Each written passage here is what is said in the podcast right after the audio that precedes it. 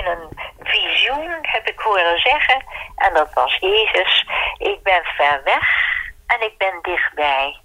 En heb je me nodig, dan ben ik dichtbij.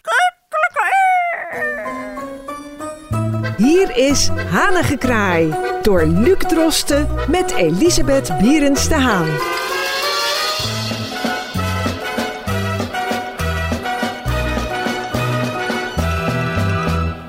Dit is Hanengekraai en wederom eh, met een telefonische verbinding met Elisabeth Bierens de Haan... die veilig vanuit haar thuisquarantaine weer bereid is om het een en ander te vertellen... over het onderwerp van deze week. En dat is uh, niet helemaal voor niets het christelijk geloof en dan in het bijzonder de feestdagen die rond deze tijd gevierd worden. Dat zijn dus alle christelijke feestdagen die plaatsvinden in het voorjaar. Mevrouw Bierens de Haan, uh, hoe is het met u?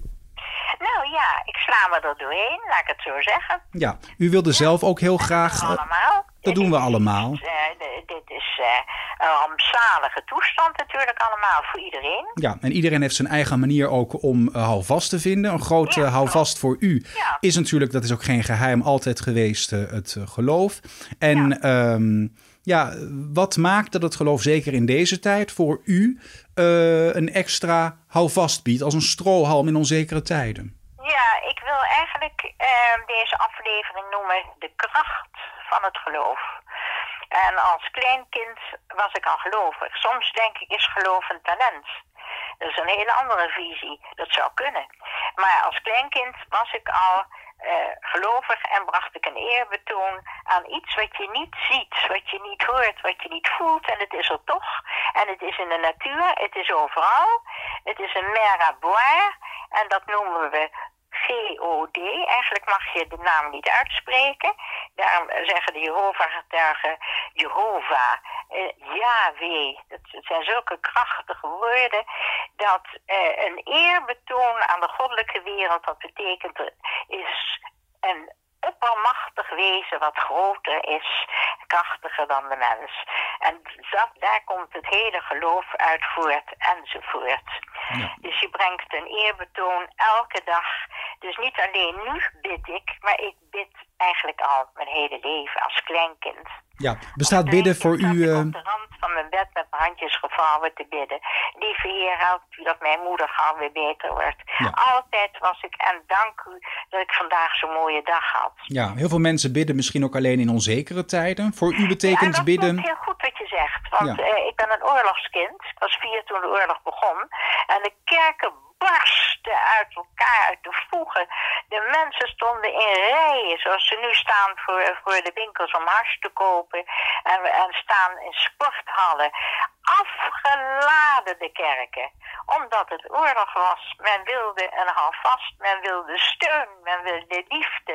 En wat kan je dan niet beter hebben dan het geloof? Ja, ik heb trouwens begrepen dat meerdere kerken op dit moment, omdat de kerken ook eh, gesloten zijn, Ja. ehm, eh, Werk online. Online werken inderdaad met Ja. afstandsverbindingen. Ja, klopt. Precies. En dat gaat heel goed.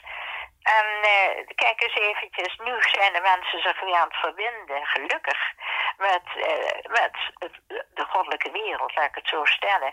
En zich verbinden met Jezus van Nazareth, en die voor ons gestorven is. Ja, en dan kom je bij de andere kant, dat zijn de, eikpunten, de, de dagen die komen, de religieuze dagen. Wat betekent het geloof en wat betekent kerstmis en wat betekent Pasen, Pinksteren, eh, Goede Vrijdag. En voor mij heb ik een paar hoogtepunten in mijn leven die ik heel erg belangrijk vind. Ja. En daar, ik, ik word 84 en eh, ik zou zeggen, daar vaart mijn schip op, op goddelijke waarden. Ja, dat hebben we ook al gemerkt in de eh, kerstaflevering van eh, onze rubriek, waarin u inderdaad hartstochtelijk heeft verteld over eh, het kerstverhaal. En niet alleen Ja. dat, maar ook de betekenis van het kerstverhaal Ja. voor uzelf. Voordat we het trouwens gaan hebben over die feestdagen, ik ben wel heel even kort benieuwd. U heeft net verteld hoe u bidt. U spreekt eigenlijk rechtstreeks God aan. Hè? In een soort monoloog nee, of een nee, dialoog. Niet rechtstreeks. Nee, niet rechtstreeks. Eh, nee, ik spreek met Jezus. Met Jezus dan, maar ik bedoel En eigenlijk ja, meer... d- dat- je zou zeggen, dat is even een stoel voor ervoor. Ja. Ehm, eh, ik overleg met Jezus zal ik dat doen. Ehm, hij is mijn vertrouwensman. Hij is mijn guru. Hij is mijn voorbeeld in het leven. Als iemand onaardig doet, moet je niet zeggen, dan krijg je, dan, dan ben ik ook onaardig. Nee, helemaal niet. Dan ga ik juist iets heel aardigs doen. Als iemand een rotopmerking maakt, dan de volgende dag zeggen, kijk eens, ik heb hier lekker chocola voor je. En dan zegt die ander, god, nee, zeg ik, geneer me, ik was vreselijk onaardig. Je roept het goede bij de mensen op. En dat is nou juist de kracht van het geloof, de kracht van de Bijbel. Dat heb de ander lief gelijk uzelf. Hè. Ja. En dat is heel nodig dat we dat nu in 2020 laten zien. Wat betekent dat? Ja. En tot mijn vreugde kan ik zeggen dat iedereen daar heel mooi mee bezig is. Heb de ander lief gelijk uzelf. Hè. Nou, dat uh, biedt uh, hoop. Uh, biedt u, biedt u, bidt u ook wel eens gewoon een Onze Vader of een Wees Goed Maria? Of heeft dat voor u minder betekenis? Ja, dat weet ik ook. Ik kom uit een, katholiek. Mijn moeder was Joods, mijn vader was katholiek. En een boom-katholiek gezin. En de diensten werden gevolgd in de Pauluskerk. En mijn, mijn vader en, mijn grootvader en grootmoeder gingen daar met de kinderen naartoe. En dat was allemaal in het Latijn. Dus ik heb van beide kanten veel meegekregen. Mijn man was doopsgezind, dus dat kwam er ook nog bij, schitterend. Al in één, dat vind ik heel mooi, dat je een brede visie hebt. Maar uh, dit is belangrijk, dat je uh, voelt, ik ben een klein mensje en er hoeft maar iets te gebeuren. Dan zijn we nog kleiner. Dat betekent dat je, je, dat je niet arrogant moet ja, zijn. Het is een les in nederigheid, als ik het goed begrijp. En dan moet je niet arrogant zijn. Dan moet je zeggen van, ik kan wel een heleboel leuke dingen. Maar tenslotte uh, uh, zou ik zeggen, zoals Jezus zo mooi zei, daar is alles mee gezegd. Ik ben het licht, ik ben de weg, ik ben de waarheid, ik ben het leven. En als je dat nou goed als een mantra in je hele lichaam en je hoofd prent, dan zou ik zeggen, dan ben je op de goede weg. Nou, ik wil heel graag voor de mensen die misschien minder ingewijd zijn, maar daar eventueel voor openstaan of gewoon hun algemene ontwikkeling uh, graag bijhouden, kort een paar feestdagen langslopen. Want ik herinner me bijvoorbeeld uit mijn eigen katholieke opvoeding. Ik ben ja. katholiek opgevoed en uh, niet meer zozeer praktiserend, maar het zit allemaal nog wel in het, in het geheugen. Dat we bijvoorbeeld vroeger, en dat gebeurt nu volgens mij ook een stuk minder, op als woensdag, uh, de dag waarop eigenlijk de vastentijd wordt ingeluid, naar de ja, kerk gingen om een kruisje op het voorhoofd te krijgen. Een, as, een, een kruisje van as hè, op het voorhoofd. Dan krijg je op een gegeven moment palmpasen, een week voor Pasen, met die palmtakken. Hè, eh, en ook palmpaasbroden, et cetera. Heel, heel, heel mooi, ja. Allemaal leidend naar natuurlijk het paasweekend. Zou u eh, de luisteraar eigenlijk eh, niet zozeer als- in deze als een christelijk pleitbezorger, maar als een, je zou kunnen zeggen, een expert op het gebied van het christendom, kort kunnen vertellen wat er nou precies gebeurde op Witter Donderdag, eh, Goede Vrijdag Nou, ik en met Pasen? Ik, ik kan het heel kort eigenlijk vertellen. De lijdensweg, de weg naar de kruisiging van de mooiste mens die ooit geleefd heeft in de paastijd. Je krijgt eh, de, kruisiging van Jezus Christus. eh, de meest mooie mens die ooit geleefd heeft en nooit iemand kwaad gedaan heeft, alleen maar goed. Eh, dit heeft zich voltrokken en wij voelen die aanloop tot het gebeuren. En die aanloop is nu bezig. En dat hebben we namen gegeven. Wat betekent Pasen? Wat betekent Pinksteren?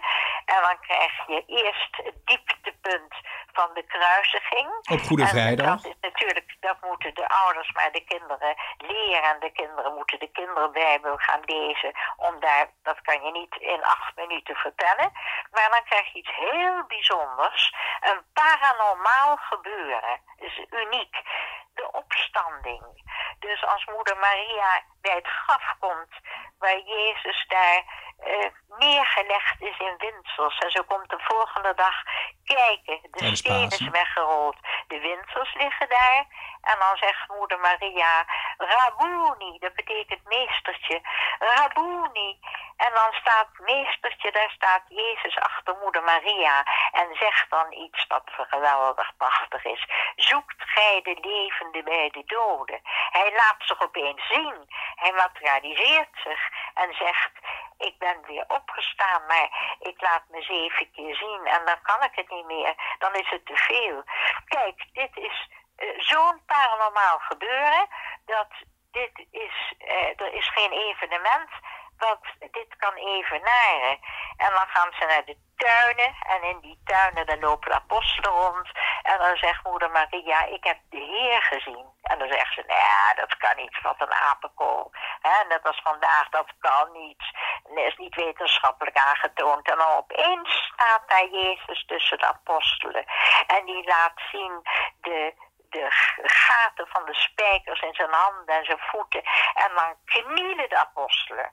En die zeggen, oh Heer, ze voelen zich beschaamd. En dan zegt Jezus, gaat uit en verkondig mijn woord. Ik laat er nog een paar keer zien. En zo is het christendom geboren in die tuin met die apostelen. Gaat uit en verkondig mijn woord. En dat is het christendom. Men ging uit en verkondigde het woord van Jezus van Nazareth. Een Joods jongetje, geboren in een timmerbedrijf, geboren in een kribbe, ergens in een kleine stal. Zijn vader had een, een timmerwerkplaats, een eenvoudig mannetje. En de zoon van God, die bracht het licht in de wereld. En dat hebben we hebben namen gegeven. Dat is de opstanding, de hemelvaart. Dat zijn allemaal uh, eikpunten en namen waar we over kunnen lezen. Maar het meest belangrijke feit is dat de mensen een edelman hebben gekruisigd. Maar hij is weer opgestaan. Hij heeft zich voor de mensen heeft hij veel goeds gedaan. En hij heeft uh, de ellende van de mensen op zich genomen. En dan krijg je de woorden de Matthäus Passion. Mijn God, waarom hebt gij mij verlaten?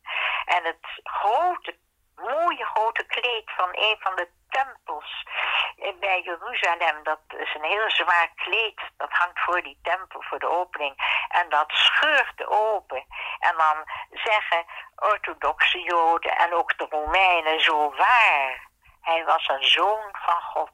En daar gaat het om. Het gaat erom dat wij aanvaarden dat wij kleine lieve wezentjes of vervelende wezentjes zijn, maar dit punt is het belangrijkste van de hele leven op aarde. Je bent op aarde om natuurlijk te genieten, maar je bent op aarde om dit te weten.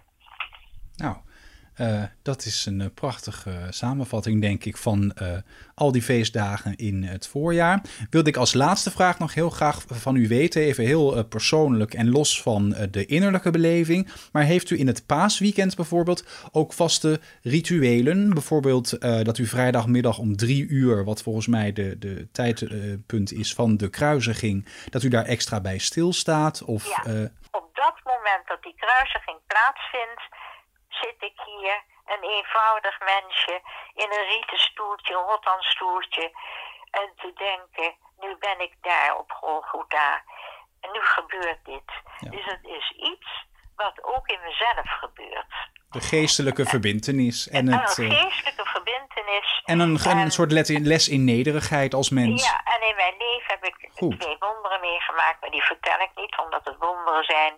En dan weet ik dit, deze gebeurtenis heeft plaatsgevonden, de opstanding is er. En ik heb uh, in een visioen heb ik horen zeggen, en dat was Jezus, ik ben ver weg en ik ben dichtbij. En heb je me nodig, dan ben ik dichtbij. Roep mij aan. Ja. En elke avond, ik heb twee prachtige Maria-beelden, dan strijk ik even over dat beeldje is een heel mooi beeldje uit Duitsland van meneer Rietelmeijer. Mooi, prachtig beeldje, antroposofisch beeld. En dan zeg ik, lieve moeder Maria, wat zorgt u weer goed voor me? Ik heb dan een beetje last van mijn knie. En ik, ik heb ouderdomsmankementen in mijn botten. Maar wat bent u toch een schat voor mij? Wat doet u dat toch lief? En dan dan voel ik me blij, dan voel ik me tevreden. En dat gevoel kan je met geen materieel iets overtreffen. Nou, een innerlijke rijkdom. Hartelijk dank. Wij uh, gaan uh, dit ons laten inwerken en laten bezinken. De luisteraars ook.